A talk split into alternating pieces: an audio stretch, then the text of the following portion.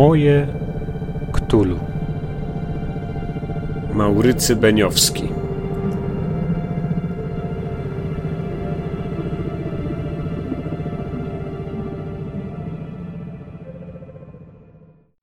Cześć, jestem Kacper i witam Was w podcaście Moje Ktulu. Moje Ktulu to podcast dla graczy i strażników tajemnic, którzy chcą poszerzyć i pogłębić wymiar nadnaturalnej grozy na swoich sesjach w Zewktulu RPG, w inne gry fabularne inspirujące się światami wyobraźni Howarda Phillipsa Lovecrafta oraz w karcianki, planszówki, gry komputerowe i wszelkie inne gry, które na tych światach się opierają. 34. nasze spotkanie patronuje mu Maurycy Beniowski – Postać zagadkowa, nie do końca znana, znakomity kreator swojego wizerunku, ale nawet pomimo wszelkich przekłamań i wszelkich nadzwyczajnych wprost zabiegów autokreacyjnych, człowiek fascynujący. Człowiek, który zainspirował do napisania o nim poematu dygresyjnego Juliusza Słowackiego, ale to jest mały Pikuś, bo on przecież e, podobno był też i królem Madagaskaru. On był przyjacielem Benjamina Franklina, był wysłannikiem króla Francji, który na Oceanie Indyjskim miał prowadzić ryzykowne i mm, bardzo niebezpieczne operacje. To awanturnik późnego XVIII wieku, który zasługuje zdecydowanie na to, aby poświęcić mu sporą część dzisiejszej audycji, dlatego że niesie tyle inspiracji królowych, że naprawdę poprzedni bohaterowie moich e, podcastów, tacy jak Leonid Teliga czy e, Grąbczeski, naprawdę mogą, mogą mu pozazdrościć życiorysu, ale też mm, myślę, że przyda wam się znakomicie na sesjach. To 34 nasze spotkanie jest też w pewnym sensie pechowe, dlatego że mamy audycję i mamy podcast po miesięcznej przerwie, to znaczy nie ukazał się w, w właściwym, w stosownym terminie poprzedni odcinek mojego podcastu, za co Was bardzo przepraszam. Niestety napór różnych czynników życiowych sprawia, że tego czasu na nagrywanie jest coraz mniej. Wiedzą o tym też laureaci konkursu urodzinowego, którzy dotąd jeszcze nie otrzymali e, swoich nagród, ale to się zmieni w najbliższych dniach. Wszystko to sprawia, że nagrywanie podcastu staje się coraz trudniejsze ale bardzo chciałem w związku z tym podziękować wszystkim tym, którzy mi kibicują, wszystkim tym, którzy mnie wspierają. W szczególności w ostatnim czasie chciałem podziękować osobom, które wychodzą z ofertami współpracy przy nagrywaniu poszczególnych nowych audycji. Mam nadzieję, że one zaowocują już niedługo ciekawymi nowymi rozmowami i spotkaniami. Ale chciałem też podziękować Danielowi Czarneckiemu, e, mojemu słuchaczowi, który regularnie dosyć pisze do mnie na Facebooku on jest również e, twórcą artefaktów e, tworzonych w technice druku 3D. Informacje o jego małym studio, które tworzy różne gadżety, takie jak głowa wielkiego ktulu, ołtarz czy, czy wieża do mm, rzutu kośćmi w kształcie właśnie mm, głowy Wielkiego Przedwiecznego. Znajdziecie link w notatkach do dzisiejszej sesji na stronie mojektulu.pl. Zachęcam do rzucenia okiem, bo mm, rzeczy, które mi przesłał, ale przede wszystkim wsparcie duchowe, które mi oferuje, mm, miłe słowa, to, że się odzywa, to, że, to, że w entuzjastyczny sposób odnosi się do tego, co w tym podcaście prezentuję, to jedna z rzeczy, które mnie, jedno ze zjawisk, które mnie bardziej motywują ostatnim czasem do tego, żeby jednak trwać i ten podcast prowadzić.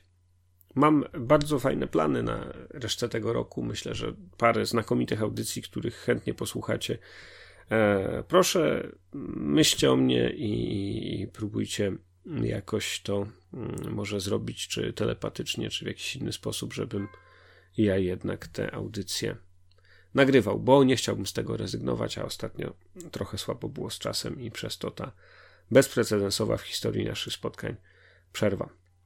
Dziś audycja o Maurycym Beniowskim, ale w tej audycji pojawia się kilka różnych wątków, dlatego że mamy w kąciku literackim fragment Samuela Zborowskiego, a więc innego dzieła Juliusza Słowackiego, nie, nie Beniowskiego, ale jak sądzę, bardzo dobrze uwydatniająca poglądy Słowackiego na to, kto to jest bohater, kto to jest człowiek, który wiedzie naród czy, czy jakąś grupę ku wyższym celom, który przyspiesza te historyczne, filozoficzne, duchowe przemiany, e, który na tym polu kładzie wielkie zasługi, dlatego ten fragment dla Was nagrałem.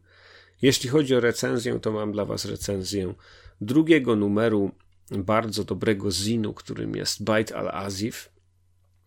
Wspominałem już wcześniej o pierwszym numerze, który ukazał się jakiś czas temu, a ostatnie tygodnie przyniosły nam, jak wspominałem w poprzedniej audycji, drugi numer tego fanzinu. Jest to bardzo e, duża publikacja. Bait al-Azif, e, druga część liczy ponad 100 stron, wspaniale ilustrowanych, zawiera mnóstwo ciekawych treści, o których w większych szczegółach powiem w dzisiejszej sekcji recenzenckiej. E, jeśli chodzi o mm, plany na najbliższy czas, to mm, dzisiejsza audycja o Maurycym Beniowskim jest tak naprawdę pewnego rodzaju wstępem do kolejnej audycji, którą chciałbym poświęcić uciekinierom z Syberii za dwa tygodnie. Mam przygotowane sporo materiałów, ale jeszcze będę musiał nad tym popracować, także dołożę wszelkich starań, aby ona ukazała się terminowo. Z zapowiedzi bardziej na dłuższą metę, no to myślę, że następna audycja będzie zawierała recenzję polskiego wydania siódmej edycji Zewu. Dostałem dziś informację, że mm, Impost zaczął przetwarzać już moją paczkę, także myślę, że w najbliższych dniach ona dotrze, nie mogę się tego doczekać. Na własne życzenie to opóźniłem, dlatego że podałem, zdaje się, niekompletne dane do wysyłki do paczkomatu, ale wiem, że wiele i wielu z Was już cieszy się Waszymi podręcznikami, mm, że już z nich korzystacie, że już y, wykorzystujecie je na swoich sesjach, że czytacie je z wielkim zapałem. Szalenie mnie to cieszy. Mam nadzieję, że mm, e, jak tylko podręczniki do mnie dojdą, to będę również moim spojrzeniem na nie i moją oceną. Spodziewam się, że dość entuzjastyczną, sądząc po tym, co piszą i mówią inni, z wami się podzielić. A w dalszym ciągu e, podcastu w tym roku mogę już zapowiedzieć, że bliżej Bożego Narodzenia będzie kolejny konkurs, e, konkurs bożonarodzeniowy, konkurs świąteczny. Do wygrania będą bardzo fajne nagrody, między innymi e, sponsorowane i przez wydawnictwo Black Monk, ale również i przez właśnie Daniela Czarneckiego i jego mm, studio 3D. Także y, będzie to konkurs, w którym poprzeczkę mam zamiar powiesić jeszcze wyżej, ale nie dlatego, że w ostatnim miałem za dużo prac, wręcz przeciwnie, było ich wcale nie tak znowu y, ogromnie wiele. Wydaje mi się jednak, że zamiast obniżać próg wejścia, jak go podwyższę, to nie stracę na ilości, a jakość będzie powalająca. I tyle w sumie mm, chciałbym Wam powiedzieć o planach na najbliższy czas, niejako usprawiedliwiając e, ostatnie milczenie miesięczne. Dzisiejsza audycja okraszona jest muzycznie fragmentami tradycyjnej muzyki z Madagaskaru. Są to trzy utwory. E, stara pieśń ludowa w e, interpretacji mm, takiej bardziej salonowej, drugi Utwór to Mifankativa, mm, wykonana przez trupę Analamanga, a trzeci to jest po prostu taka próbka możliwości e, typowego, endemicznego madagaskarskiego czy malagaskiego, należałoby powiedzieć, instrumentu, e, jakim jest sodina. Mam nadzieję, że spodobają Wam się te egzotyczne rytmy i e, melodie, które mm, są naturalną ścieżką dźwiękową dla przygód Maurecego Beniowskiego na tej największej wyspie Afryki, zwanej często ósmym kontynentem świata. Nie przedłużając więc, Maurycy Beniowski. Zaczynamy.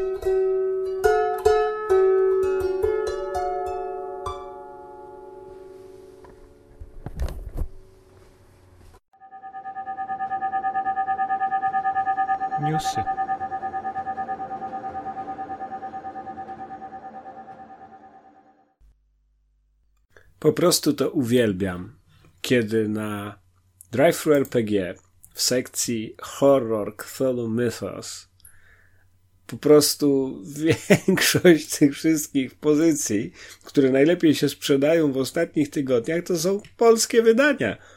I po pierwsze są to przede wszystkim podręczniki i dodatki z polskiej edycji Black Monków, Księga Strażnika, Karta Badacza, karta badacza do czasów PRL, dodatek ten starter do masek dla Totepa, Cienie Tatr, Blackwater Creek, niewyrównane rachunki, ale również Hates Community Cthulhu najczęściej kupowane dodatki fanowskie. To Zgrozy Adam Mackiewicz, Future Echoes, Zgrozy Scenario, czyli Powidoki przyszłości, Dziady w Ktulu, Zgrozy ze wgłębin, Shepherd of Moths, czy może być coś piękniejszego niż moment, w którym widzisz, że po prostu Polska przejmuje e, środowisko e, fanowskich wydawnictw na Drive RPG w zakresie Zewu To piękny moment, wspaniały.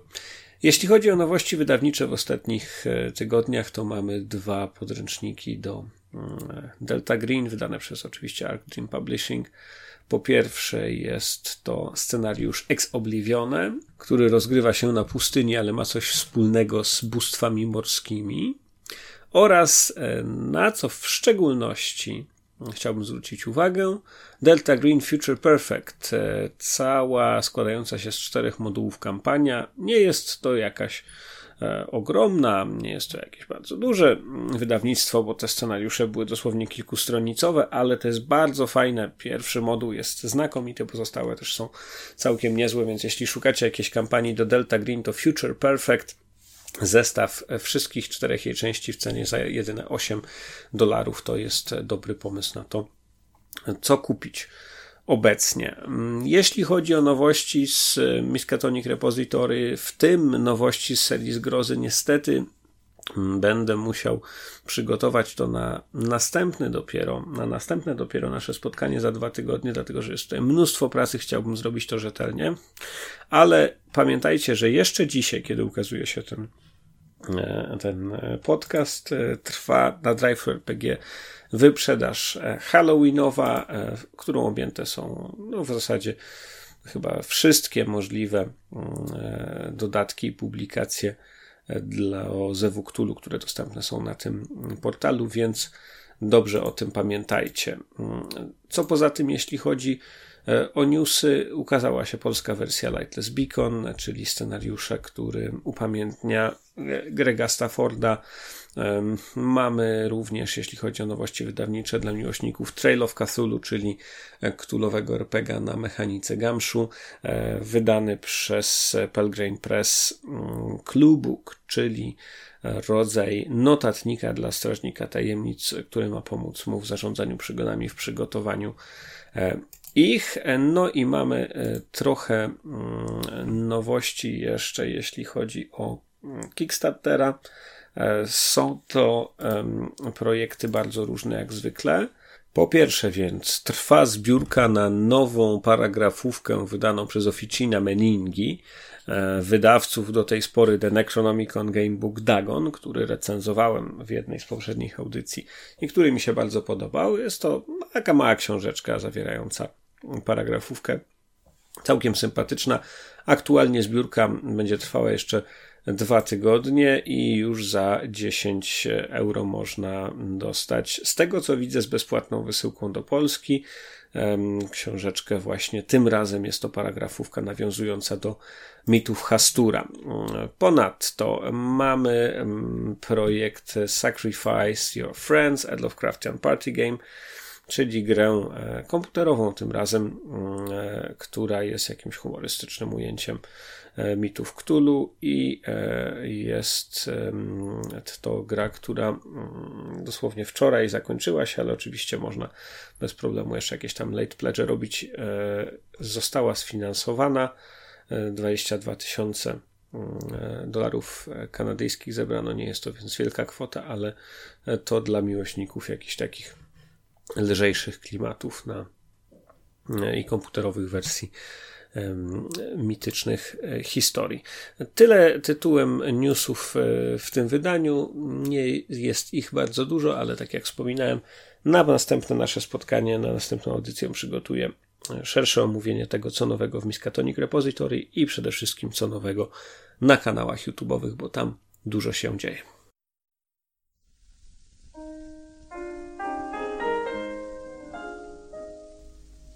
Ktulu w Polsce.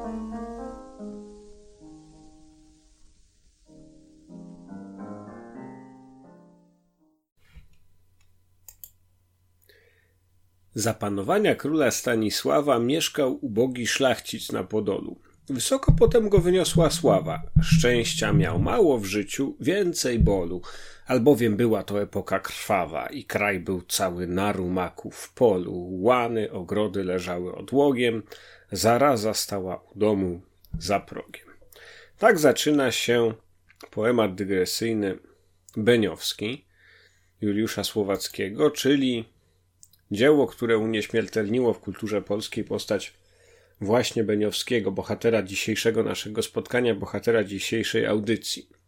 Już w pierwszych strofach, w pierwszej oktawie tego poematu, e, nieprawda, fałsz, fake news, kłamstwa, autokracja Beniowskiego. Beniowski przede wszystkim, od tego trzeba zacząć, nie był Polakiem. Beniowski był e, Węgrem, pochodził z węgierskiej rodziny arystokratycznej, osiadłej w Wrbowem, jest to miejscowość na Słowacji w okolicy Piaszczanów.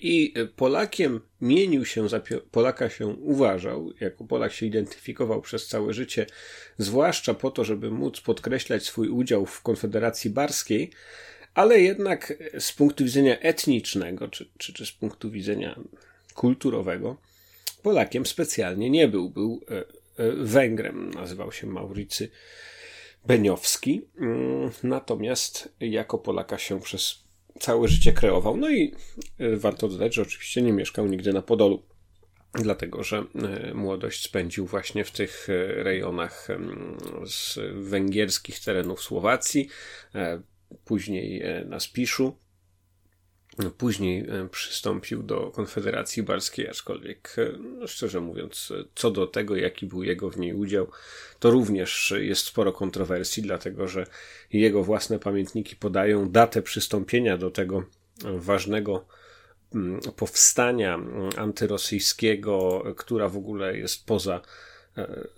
tymi ramami czasowymi tego, tego zdarzenia historycznego, ponieważ Beniowski pisze, że przystąpił do konfederatów barskich w 1767 roku, a dopiero w lutym 68 zaczyna się ten zbrojny związek szlachty polskiej, który e, miał bronić niepodległości Rzeczpospolitej przeciwko królowi Stanisławowi Augustowi Poniatowskiemu jako agentowi carycy Katarzyny.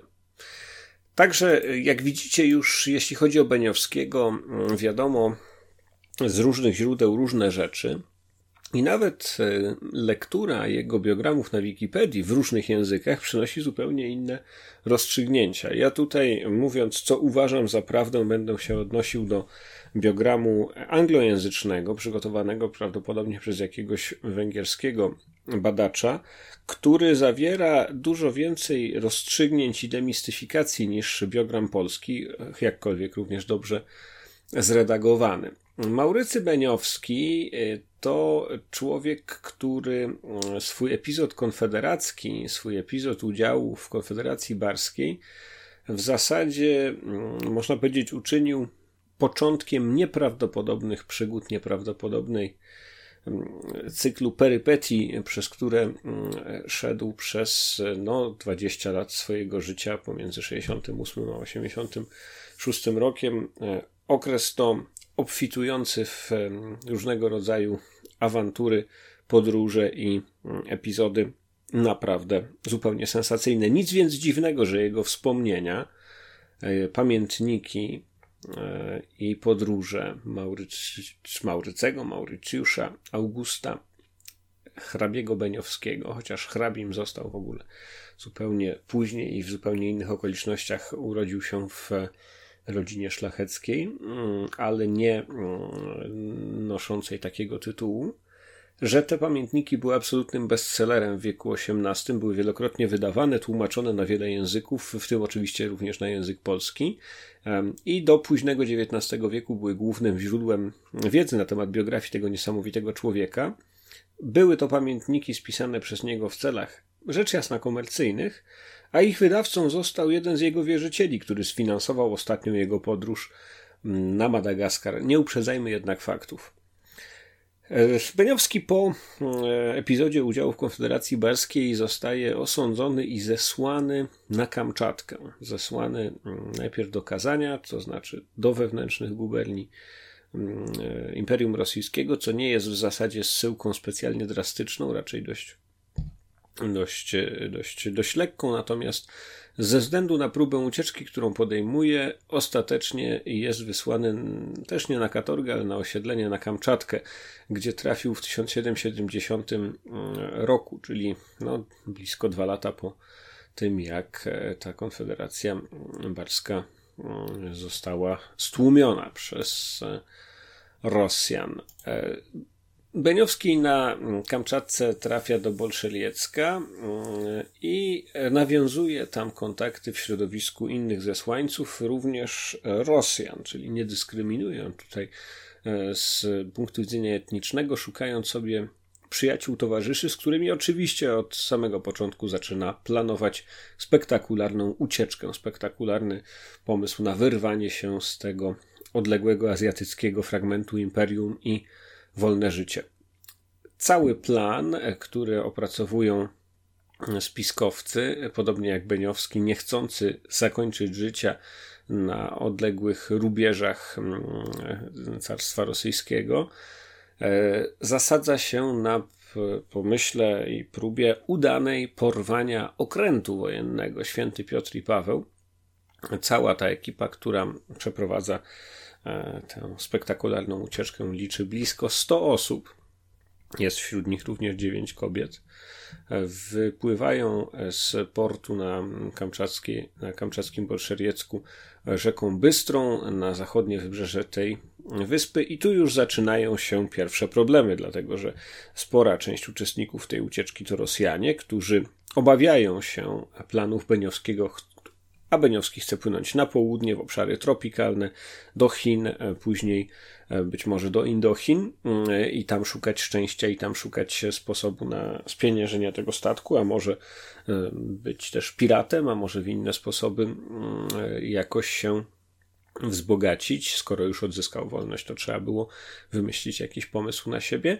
Otóż ta rosyjska część jego mm, ekipy niespecjalnie się na to zgadza, ponieważ oni boją się tych upałów, nie znają ich, obawiają się, że będą chorować, będą się źle czuli i żądają, aby okręt Święty Piotr i Paweł, na którym uciekinierzy się zebrali, popłynął do Europy, ale przez Ocean Arktyczny, tak zwanym przejściem północno-wschodnim. No i oczywiście jest to w owych czasach kompletnie nierealistyczne, zwłaszcza, że e, mówimy tutaj o e, ucieczce e, nie w, w, skoordynowanej w jakiś sposób meteorologicznie z uwolnieniem od lodów tych północnych wybrzeży Rosji. Dziś, oczywiście, w związku z zmianami klimatu, przejście północno-wschodnie jest dużo lepiej dostępne, ale nie ma co ukrywać. Przecież nawet dziś, żeby ono funkcjonowało, żeby tamtędy nowoczesne statki pływały, to 50 lodołamaczy, w tym szereg lodołamaczy atomowych Federacji Rosyjskiej, czuwa nad tym, żeby te przejścia były mm, spławne, żeby były żeglowne. Tymczasem w późnym XVIII wieku jedyne, czym skutkuje ta absurdalna, ta, ta chora koncepcja żeglugi północnej jest tym, że święty Piotr i Paweł utknął w lodach zacieśniną Beringa i dopiero po kilku miesiącach udaje się, udaje się im wyrwać z tego lodu i płynąć na południe. Beniowski dowodzi całą operacją i płynie na południe wedle nieprawdopodobnego wprost szlaku, zahaczając i o Aleuty, i o Kuryle, o Japonię, e, Chiny, Formozę, czyli Tajwan, aż w końcu dopływa do Makao.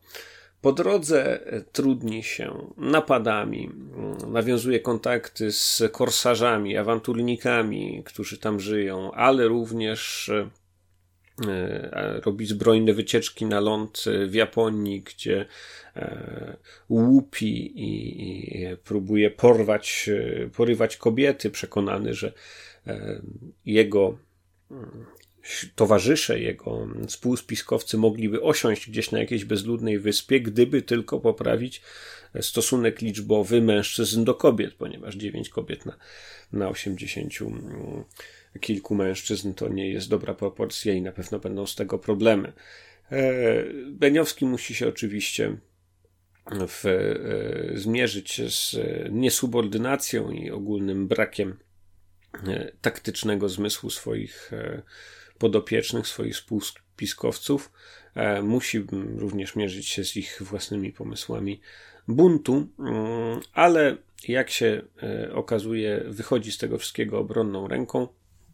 Ten młody w sumie wówczas człowiek, dlatego że Beniowski liczy wtedy raptem 24 lata, kiedy całą tę mm, ekipę straceńców prowadzi na okręcie Święty Piotr i Paweł. Dociera do brzegów Japonii, dociera później mm, do e, Okinawy, do Formozy, gdzie mm, handluje, kupuje, sprzedaje skóra, mm, skóry futra, e, zaopatruje się, aż wreszcie, kiedy dociera do Makao, mm, po prostu sprzedaje ten statek, dzieli zyski z tego przedsięwzięcia pomiędzy spiskowców i każdy może iść we własną stronę. Beniowski ma pomysł na siebie wówczas e, dość już e, sprecyzowany. Podoba mu się awanturnicze życie, podoba mu się ten styl trochę odkrywcy, trochę pirata. Więc na pokładzie francuskiego okrętu płynie do Europy po to, aby w, we wylądować we Francji, zresztą w, z niektórymi swoimi mm, współtowarzyszami tam dociera, mm, ale żaden z nich, żaden z jego towarzyszy nie jest w stanie e, wpaść na tak szalony pomysł jak Beniowski, który kiedy przypływa do Lorient we Francji, e, udaje się wprost na dwór króla Ludwika XVI, aby tam e, opowiedzieć o swoich awanturniczych przygodach, przedstawić siebie jako wielkiego odkrywcę i zdobywcę i wyobraźcie sobie zebrać pieniądze od właśnie dworu Ludwika XV oraz listy, które uwierzytelniają go w tej misji z zamiarem kolonizacji dla Francji Madagaskaru. Beniowski wypływa wyposażony w okręt i załogę w kierunku Mauritiusu na Oceanie Indyjskim, który jest już placówką francuską, gdzie ma się zaopatrzyć w dalsze e, potrzebne mu sprzęty, broń i towary potrzebne do tego, żeby otworzyć faktorię handlową francuską na Madagaskarze. Niestety, namiestnik Mauritiusu wcale nie jest przychylny jego koncepcjom, dlatego że jego kolonia mm, swój rozwój opiera właśnie na handlu z Madagaskarem. Nie życzy sobie konkurencji w postaci planowanej przez Beniowskiego osady handlowej i, i, i faktorii na Madagaskarze. Próbuje sabotować jego mm, plany, ale ostatecznie musi ulec mocy listów e, uwierzytelniających, wyposaża Beniowskiego odpowiednio, a wtedy e, Maurycy na czele swojej ekspedycji płynie na e, Madagaskar i tam już otwiera pierwszą swoją otwiera pierwszą swoją faktorię wśród Malgaszów, czyli ludu rdzennego tamtego, tamtego terenu. Pierwszą swoją osadę Beniowski nazywa Louisburgiem, oczywiście dla uczczenia króla Ludzika XV. E, próbuje podporządkować sobie wyspę, ale tutaj mamy kolejne przekłamanie, kolejny taki widelec, czy, czy e, rozstaje dróg odnośnie tego, co, jaka jest prawda o, o losach jego ekspedycji. W polskiej historiografii raczej y, się widuje informację, że jakoś tam on jest w stanie podporządkować sobie wyspę i nawet w 76 roku zostaje przez tubylców obwołany królem wyspy. To jest bardzo ważne, dlatego że Madagaskar wówczas nie ma jeszcze scentralizowanej władzy. Dopiero mm, w, w kolejnych dekadach i, i wiekach e, jedna z grup etnicznych na Madagaskarze uzyska wystarczającą przewagę nad pozostałymi, żeby nazwać się królami, czy, czy, czy dążyć do jakiejś hegemonii nad całym tym społeczeństwem malagaskim. A tutaj Beniowski rzekomo w 76 roku już się tam e, takim królem staje, obwołany jeszcze przez mieszkańców. Wszystko wskazuje na to, że nie jest to prawda. Jedynym źródłem tej informacji są wspomnienia Beniowskiego, a żadnych potwierdzeń nie ma. Co gorsza, tak naprawdę, i o tym również w polskich źródłach e, niełatwo do tego dotrzeć, raczej o tym nie przeczytacie. Różnego rodzaju inspekcje, które wysyłane są z Francji, aby nadzorować postępy Beniowskiego, aby oceniać, na ile dobrze mu tam idzie i czy dobrze wywiązuje się ze swojego zadania, wskazują na to, że jest dokładnie odwrotnie. Choroby i e, niesnaski i walki z malgaszami e, doprowadzają do tego, że w zasadzie z roku na rok kolonia ta topnieje, jej gospodarcze znaczenie jest żadne i e, w zasadzie w, e, w końcu 77-78 roku ona już w zasadzie kwalifikuje się do likwidacji, a samego Beniowskiego nie ma. Ucieka stamtąd, po prostu e, ratując się, chociaż w pewnym sensie kompromituje się to, ratując się przed po prostu zagładą, która by go tam czekała. Wybiera się do Ameryki Północnej, gdzie starym hochsztaplerskim chwytem, powziąwszy wieść o tym, że Kazimierz Pułaski zginął e, w bitwie pod Savannah, e, powołuje się w środowisku amerykańskich elit na rodzinne koneksje z nim oraz, to akurat jest prawdą, na znajomość z Benjaminem Franklinem, którego poznał był e, wcześniej w Paryżu, aby zacząć szukać zwolenników i e, prowadzić kampanię na rzecz sfinansowania z kolei przez Amerykanów wyprawy kolonizatorskiej na Madagaskar, czyli niezrażony porażką swojego pierwszego przedsięwzięcia widzi w tym prawdopodobnie pomysł na fundraising, czy jakiś taki ma, można powiedzieć, że Benioski jest, jest polskim startuperem. Jedzie do Ameryki po pieniądze na szalone przedsięwzięcie kolonizacji Madagaskaru, niezrażony tym, że właśnie przed chwilą mm, w takim podobnym przedsięwzięciu utopił pieniądze swojego poprzedniego sponsora. Amerykanie jednak nie są wcale tacy chętni, żeby sfinansować tę jego wyprawę e, i w konsekwencji musi on jednak niestety z E, ze Stanów e, Zjednoczonych się zbierać. E, w całych tych podróżach i na Syberii, i na południe w żegludze w stronę Makao, i na Madagaskarze towarzyszy mu jego żona Zuzanna. Jego żona Zuzanna, wspominam o tym nie z jakiegoś feministycznego nachylenia, tylko raczej dlatego, że to jest nie, nie, nieprawdopodobne. On żeni się w kwietniu 86 roku, mając lat 22, z żoną um, karczmarza, u którego się ukrywał, którego przebywa właśnie w um, okolicach um, Spiszu, Orawy. Ten ślub ma miejsce w Miechowie, więc na terytorium Polski, ale to jest tak naprawdę po prostu dziewczyna, którą on poznaje w karczmie, w której ukrywa się w czasie mm, jakichś tam ucieczek przed prześladującymi go już nie wiem, czy Austriakami, czy, czy Rosjanami. I ta dziewczyna, ta kobieta, którą on tam poznaje, towarzyszy mu we wszystkich jego wojażach, rodzi mu kolejne dzieci, a to w Ameryce, a to we Francji.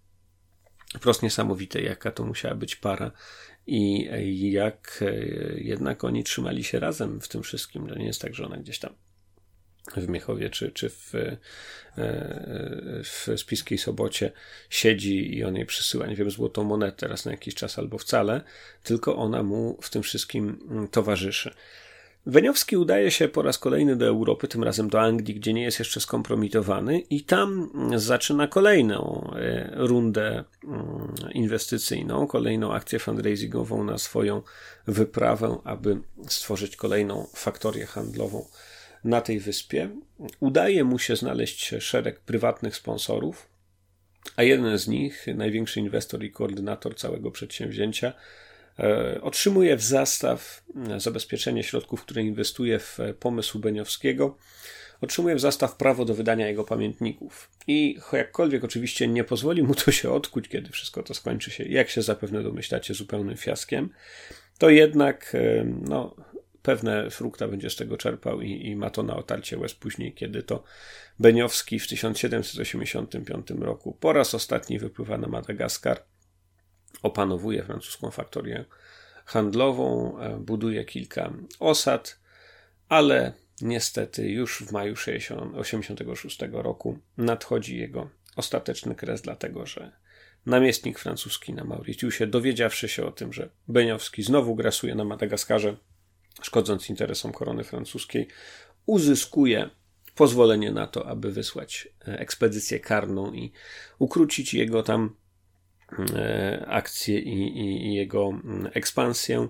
A końcem tej ekspedycji jest 23 maja 1786 roku potyczka pomiędzy e, ekspedycją z Mauritiusu a ludźmi Beniowskiego, w toku której Maurycy Beniowski ginie, postrzelony przez, postrzelony przez Francuzów. I tak kończy się jego długa i niesamowita historia życia, które zmieściło się przecież raptem w 42 latach. To nie jest człowiek, który żył długo, ale jego życiorysem można by obdzielić e, kilku. Mm, jakie z tego płyną wnioski dla mm, waszych sesji w Zewie? No nie ukrywam, że Beniowski mi się w ogóle nasunął wtedy, kiedy myślałem o tym, jaką niesamowitą przygodę można byłoby zrobić o zesłańcach na Syberii albo uciekinierach z Syberii. I poszedłem w trochę inną stronę, jak widzicie, bardziej egzotyczną, bardziej afrykańską. Ale w biografii Beniowskiego jest jedna osoba, która mi się wydaje niesamowicie interesującą zahaczką do przygód w Zewie Cthulhu. I jest nim właśnie tenże namiestnik Mauritiusu. Człowiek ten to François wicehrabia de Souillac, gubernator Mauritiusu e, i zaprzysiężony wróg Beniowskiego.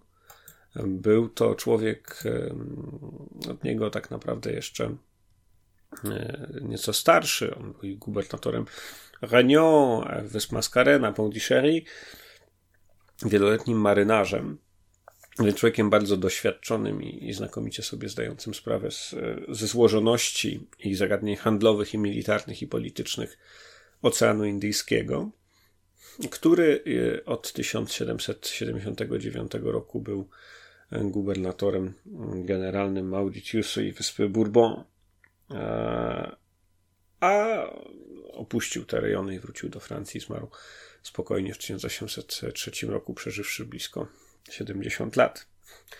Jest to osoba mm, do tej pory zresztą celebrowana i, i wielce dobrze wspominana na Mauritiusie. Nawet jest tam jakaś wieś, która nosi, nosi jego mm, imię, a na Seszelach też jest jakiś port, zdaje się, który jego imię nosi. François de Souillac jest w tej historii postacią, moim zdaniem, badacza tajemnic. A więc osoby, która kiedy spotyka Beniowskiego, zdaje sobie sprawę, że jego motywacje nie mają tak naprawdę charakteru merkantylnego czy awanturniczego.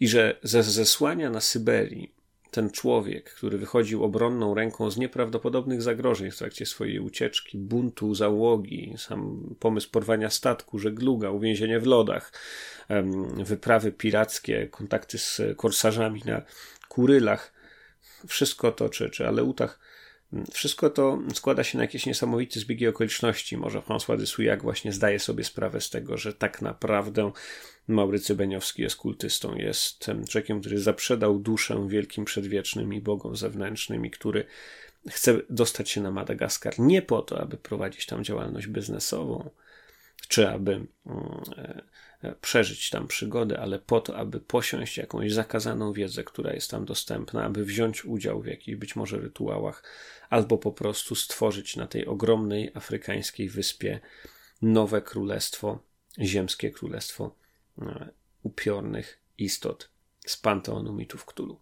I to mi się wydaje niesamowicie ciekawym pomysłem na to, żeby wykorzystać mechaniczne i, i fabularne rozwiązania, które proponuje nam mm, Mark e, Morrison w dodatku Reign of Terror, e, który opisuje nie tylko zawiera mini kampanię w, w okresie Francji rewolucyjnej, ale zawiera sporo informacji na temat tego, jak tworzyć postacie, również wojskowych, w realiach Francji XVIII-wiecznej, można wykorzystać to e, w dekoracjach zupełnie egzotycznych, właśnie Mauritius, Seszele, Madagaskar, może również wschodnie wybrzeże Afryki, do zaprojektowania kampanii, w toku której Beniowski nie jest bohaterem pozytywnym, ale jest właśnie tym głównym zagrożeniem. Zwróćcie uwagę, jego historia, jego podróże, Daleki Wschód, Afryka, Ameryka, Francja, Wielka Brytania, wygląda to wszystko jak jedna wielka mm, kampania mająca na celu i przezwyciężanie wszelkich możliwych trudności po to, żeby spełnić cele wyznaczone mu przez jakieś złe siły. Czy taki pomysł Wam się podoba? Mam nadzieję, że choćby w myślach zasymulujecie sobie taką e, kampanię i taki pomysł, a jeśli kogoś w tym zainspiruje, będę bardzo rad. Maurycy Beniowski zasługuje bowiem na to, żeby jako bardzo barwna postać zagościć na Waszych sesjach.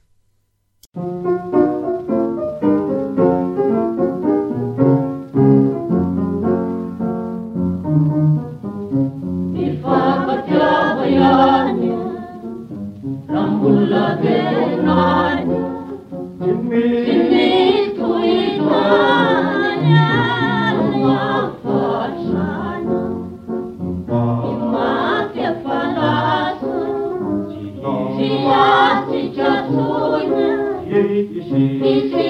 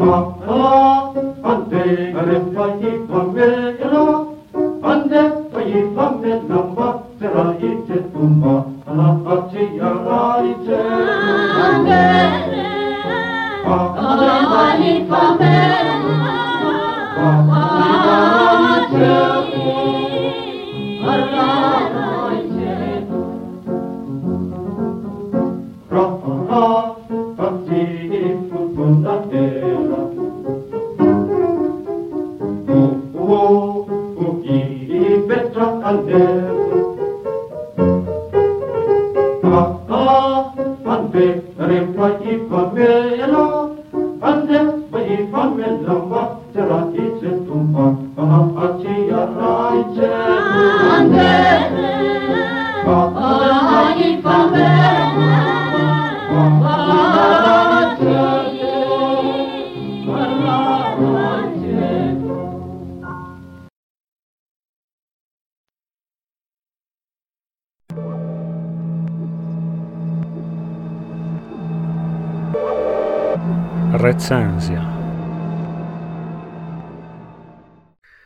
Bait al-Asif Rozpływałem się już jakiś czas temu w innej audycji nad tym, jak mi się szalenie podoba nawet sama nazwa, sam tytuł tego fanzinu, bo Bait al-Azif to jest nawiązanie oczywiście do Kitab al-Azif, czyli do Necronomiconu.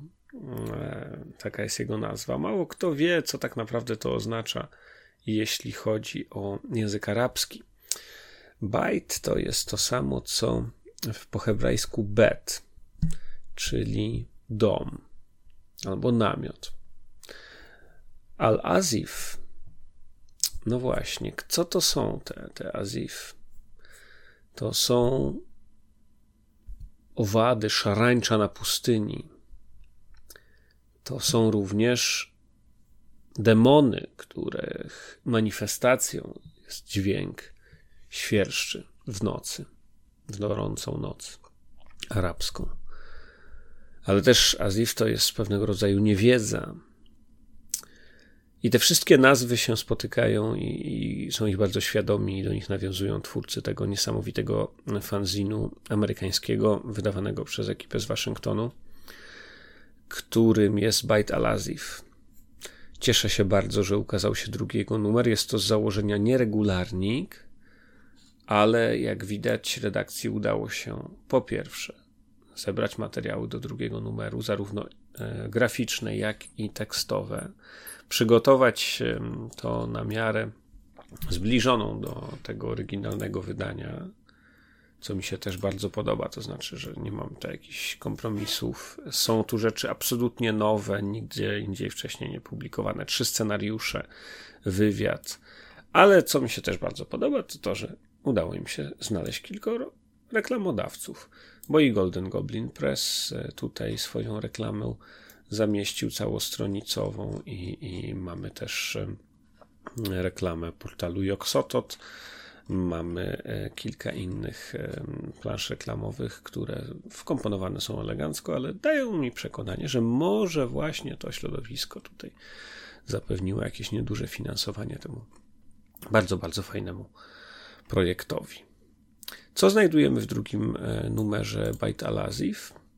Za 4 dolary 50 centów teraz w wyprzedaży halloweenowej, czy w normalnej cenie 6 dolarów za PDF-a, ale można również zamawiać z Drive RPG wersję drukowaną za 15 dolarów w miękkiej oprawie, za 25 w twardej. Nie wiem po co w twardej zamawiać czasopismo, ale może kogoś to mm, za, za skusi.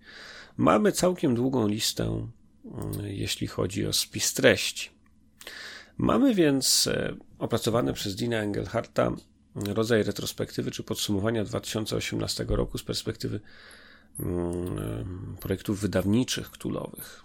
Ubolewam na tym, że nie ma tutaj za bardzo informacji o polskim, o polskim wydaniu mm, Zewu Cthulhu, ale jako trzy highlighty ubiegłego roku wskazuje on po pierwsze Delta Green i The Fall of Delta Green to wydanie, kiedy wreszcie ukazał się Handler's Guide, czyli kiedy w 2018 roku dopięła się linia wydawnicza. Po drugie, wydanie Maseknia dla Totepa. Pamiętajcie, że recenzja, mm, pierwsza polska recenzja Maseknia dla Totepa e, jest w pierwszym wydaniu mojego podcastu z e, lipca ubiegłego roku.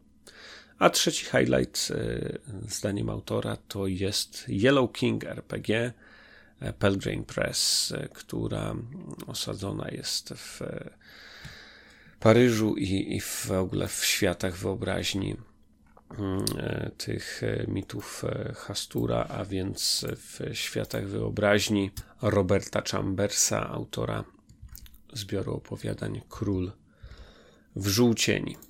Co dalej? Mamy e, wywiad e, z e, Ralphem Zandfuchsem na temat dodatku do Zewuktulu Berlin The Wicked City, który już dla Was recenzowałem wcześniej. Bardzo mi się podoba teza tego wywiadu, mianowicie Zew Cthulhu nie potrzebuje krainy Lovecrafta.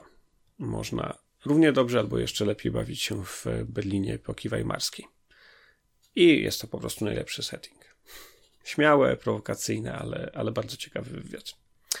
I w ślad za nim jest e, scenariusz do mm, settingu klasycznego do lat 20. False Friends autorstwa mm, Filipa Christobela i Ralfa Sandfuchsa, rozgrywający się właśnie w Berlinie e, tamtych lat.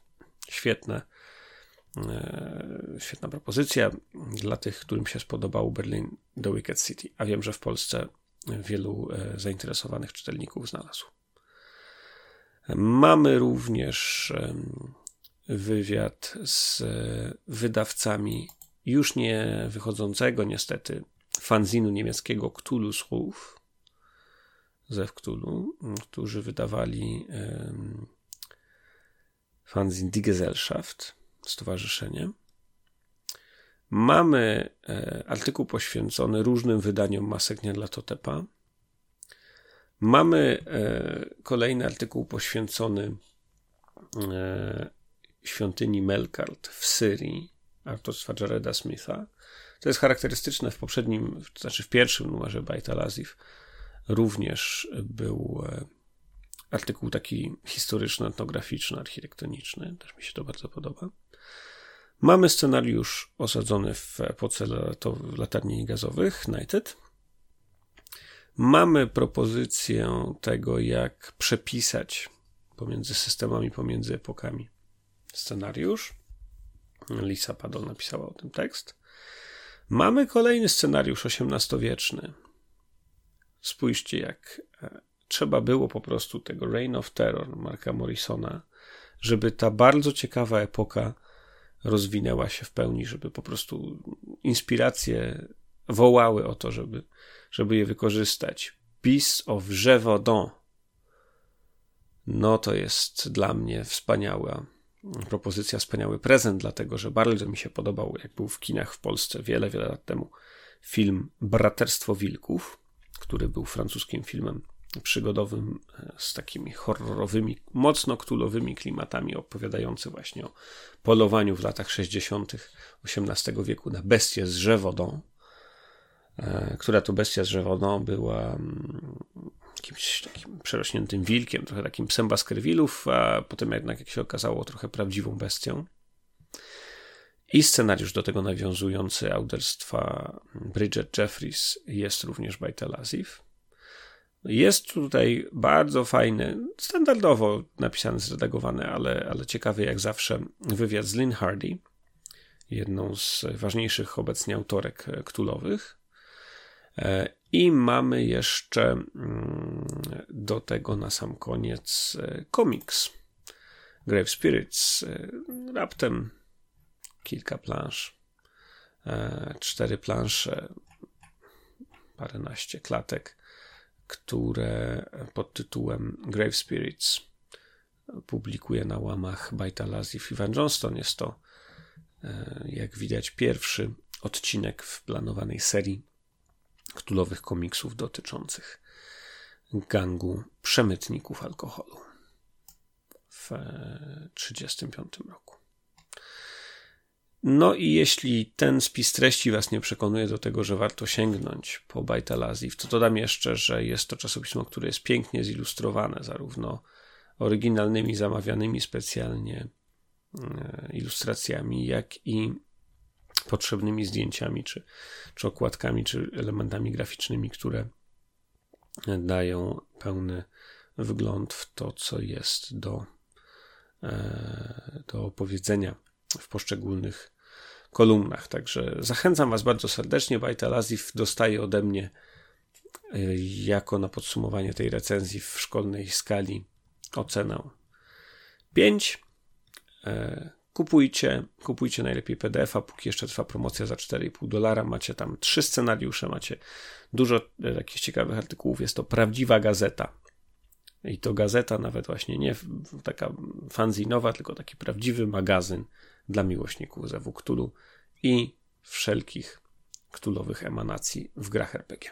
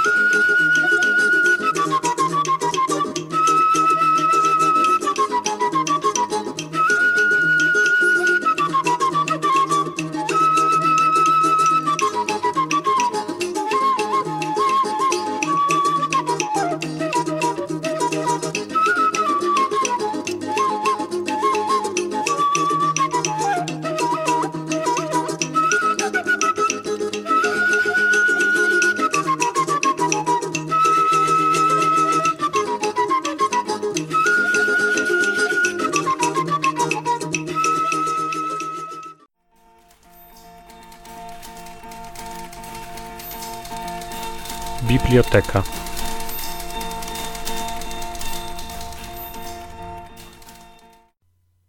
Juliusz Słowacki, Samuel Zborowski.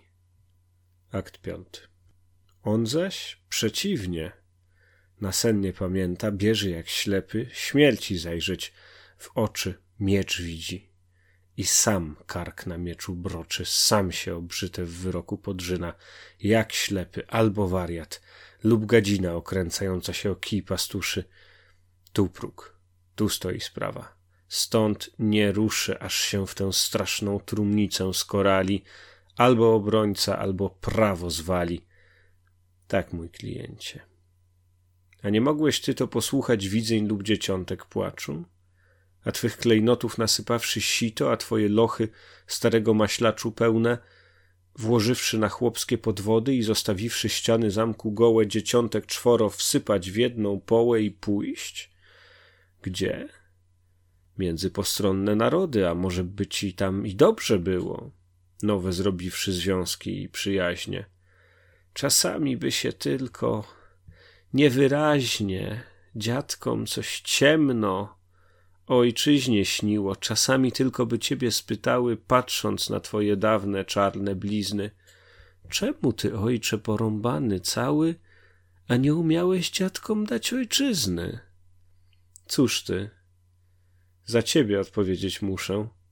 Odpowiedziałbyś, że w Polsce jest prawo, które wygania ciało albo duszę i nad krwią pastwi się albo nad sławą i karę duszy za mniejszą uważa. Więc ty wybrałeś sobie mniejszą karę. O horror! Panie, on złożył ofiarę z ciała. On wolał wygnanie cmentarza niż tamto drugie. On dziadkom w puściznę zostawił drogą po sobie ojczyznę, a sam nie mogę mówić. Wybrał trumnę. Panie, są wichry, co wielką kolumnę łamią, są burze duchom niebezpieczne, ja je znam, czoło się moje słoneczne od nich aż do twych tu stóp pochyliło. Ale przed martwą prawną ulec siłą, ale z przerwanym tu serdecznym głosem być zatrzymanym katem albo stosem, albo od miecza polec, lub płomienia, gdy człowiek czyni dla Twego imienia, gdy Twego ducha w sercach świata budzi, gdy duszę gotów położyć za ludzi. O, takiej więcej nie będzie męczarni. Albo ja padnę tu, jak martwy pada, Panie, tu była wielka polski zdrada, tu, w tym człowieku, co na kształt latarni używa teraz głowy i roznieca krew swą, a tego kanclerza oświeca i pokazuje trupem, Polskę ścięto. A ja wybrałem dziś zatuszne święto i przez umarłych rządząc, bo mam siłę. Otwarłem dawną przedwieczną mogiłę, a ta otwarta była moją sługą i szła i oto otworzyła drugą. I oto stoją tu otwarte obie, a ja muszę drzwi zamknąć w jednym grobie, nim stąd odejdę. A kanclerz powiada: Cóż ja zabiłem? Czy jakiego Greka, w którym wyrocznia bogów wielkich gada? Czy mistrza myśli, czy ludów człowieka? Kogóż zamknęła ta czerwona trumna? Powiada kanclerz, czy sztuk opiekuna, czy akademiów zakładowcę? Gdy ja byłem jak człowiek, który kwiat rozwija, powiada kanclerz, do jednego celu pędziłem czyny, gdy krwią Polska mokła, jak te obrazy na moim weselu, z których się wielka, jasna tęcza wlokła przez cały Kraków, tak z wielkimi czoły przez Polskę czynów moich archanioły szli, a lud patrzał. Więc niechże się schowa ta jedna blada i ucięta głowa przed Bożym sądem furia jakaś blada.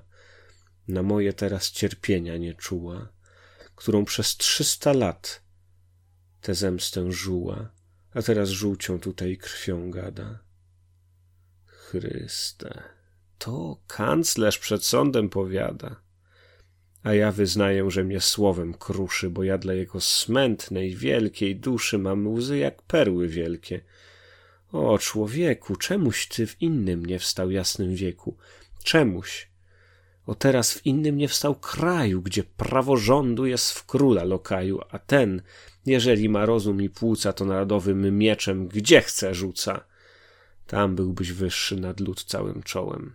Dla nas ty, szatan, tam byłbyś aniołem. U nas ty jesteś nieludzki, niebratni i za ostatnim Polakiem ostatni, bo u nas, gdy duch przyjdzie, to już stary, przez wszystkie wieki i przez wszystkie wiary, jak żuraw, ciężki i smętny wędrował, tam naród cały z grobów wyratował, tam o miesiące krzowe sztandary rozbił, tam tęcze Boże kładł na murach, tam deptał morze, a tam śnieg na górach przechodził z wojskiem, stęczy mając bramę, a świadkiem czynu tylko słońce same, więc kiedy przyjdzie, dla nowego losu przybrawszy ciało, miej klucz, co odmyka a w jednym ciele znajdziesz męczennika, który wyleciał z płomiennego stosu, gdzie ciało swoje i kość suchą, twardą, porzucił katom z powagą i wzgardą, drugi ci powiem, że ma wszelkie prawo, a już duchownych tylko praw posłucha, i zaprzeczenie ci położy z ducha, przeciwko któremu ty nic ręką krwawą nie zrobisz, choćbyś piorun trzymał w ręku.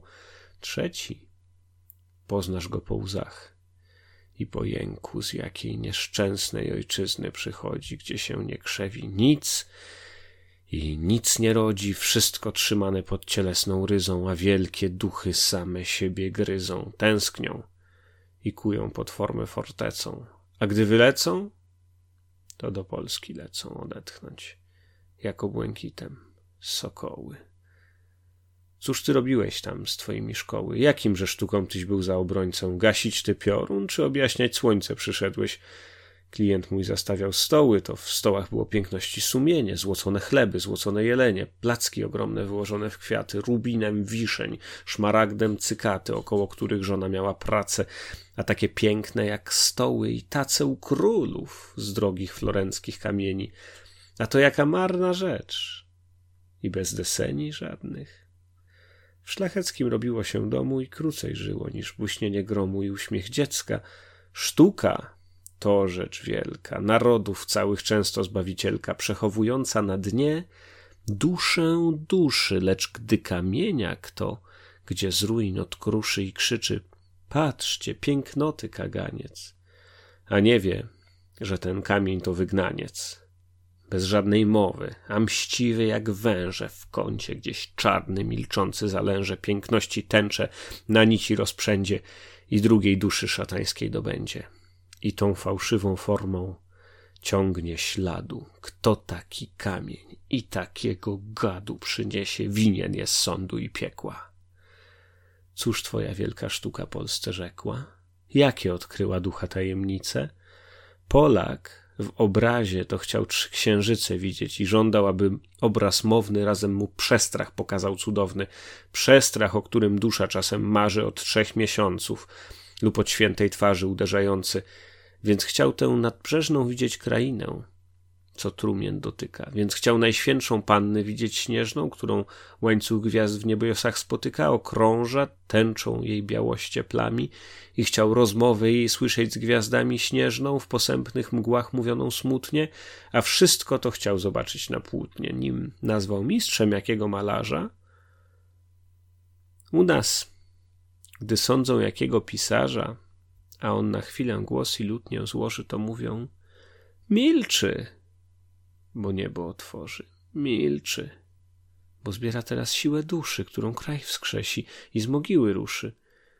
Więc choć upadnie jak brat i kara, to przy narodzie poezja i wiara. Gdyś architektem, a jest jakaś bryła, z której lud sobie mieć kolumnę marzy, to myśli zaraz, że będzie świeciła w nocy jak miesiąc z płomieniem na twarzy i chce, ażeby w niebiosa ubodła i gwiazdy wszystkie mu do kraju wiodła, w pokorze nimi ogirlandowana, jakby cudowny zwit świętego Jana. U nas, gdy powie wieszcz, kolumny głowa, to się kolumna ta duchowi kreśli z ustami, z których lecą wielkie słowa, z głową, gdzie wielkie kolumnowe myśli, z oczyma. I wnet spytaj się gawiedzi, powie, że serce w tej kolumnie siedzi. Serce co wiecznie pęka i broczy. Taka jest wielka moc błyskawic w łonach, że dotknij, a wnet piorun ci wyskoczy. z każdego serca. I to już wszystko w dzisiejszym wydaniu podcastu Moje Ktulu. Bardzo uprzejmie dziękuję Wam za uwagę. Przypominam, że możecie subskrybować ten podcast na każdej platformie podcastowej, na tej, z której korzystacie, na Twojej ulubionej. Czy to jest Spotify, czy to wolisz słuchać jako film na YouTubie, czy lubisz e, ściągać mp3 ze strony mojektulu.pl, dla przypomnienia używać RSS-ów, czy używasz iTunesów, czy Google Podcast, wszędzie tam znajdziecie moje Ktulu i każdy odcinek, każdą moją audycję. Bardzo serdecznie dziękuję za uwagę, pozdrawiam Was z ostępów Izabelińskiej Puszczy. Do usłyszenia.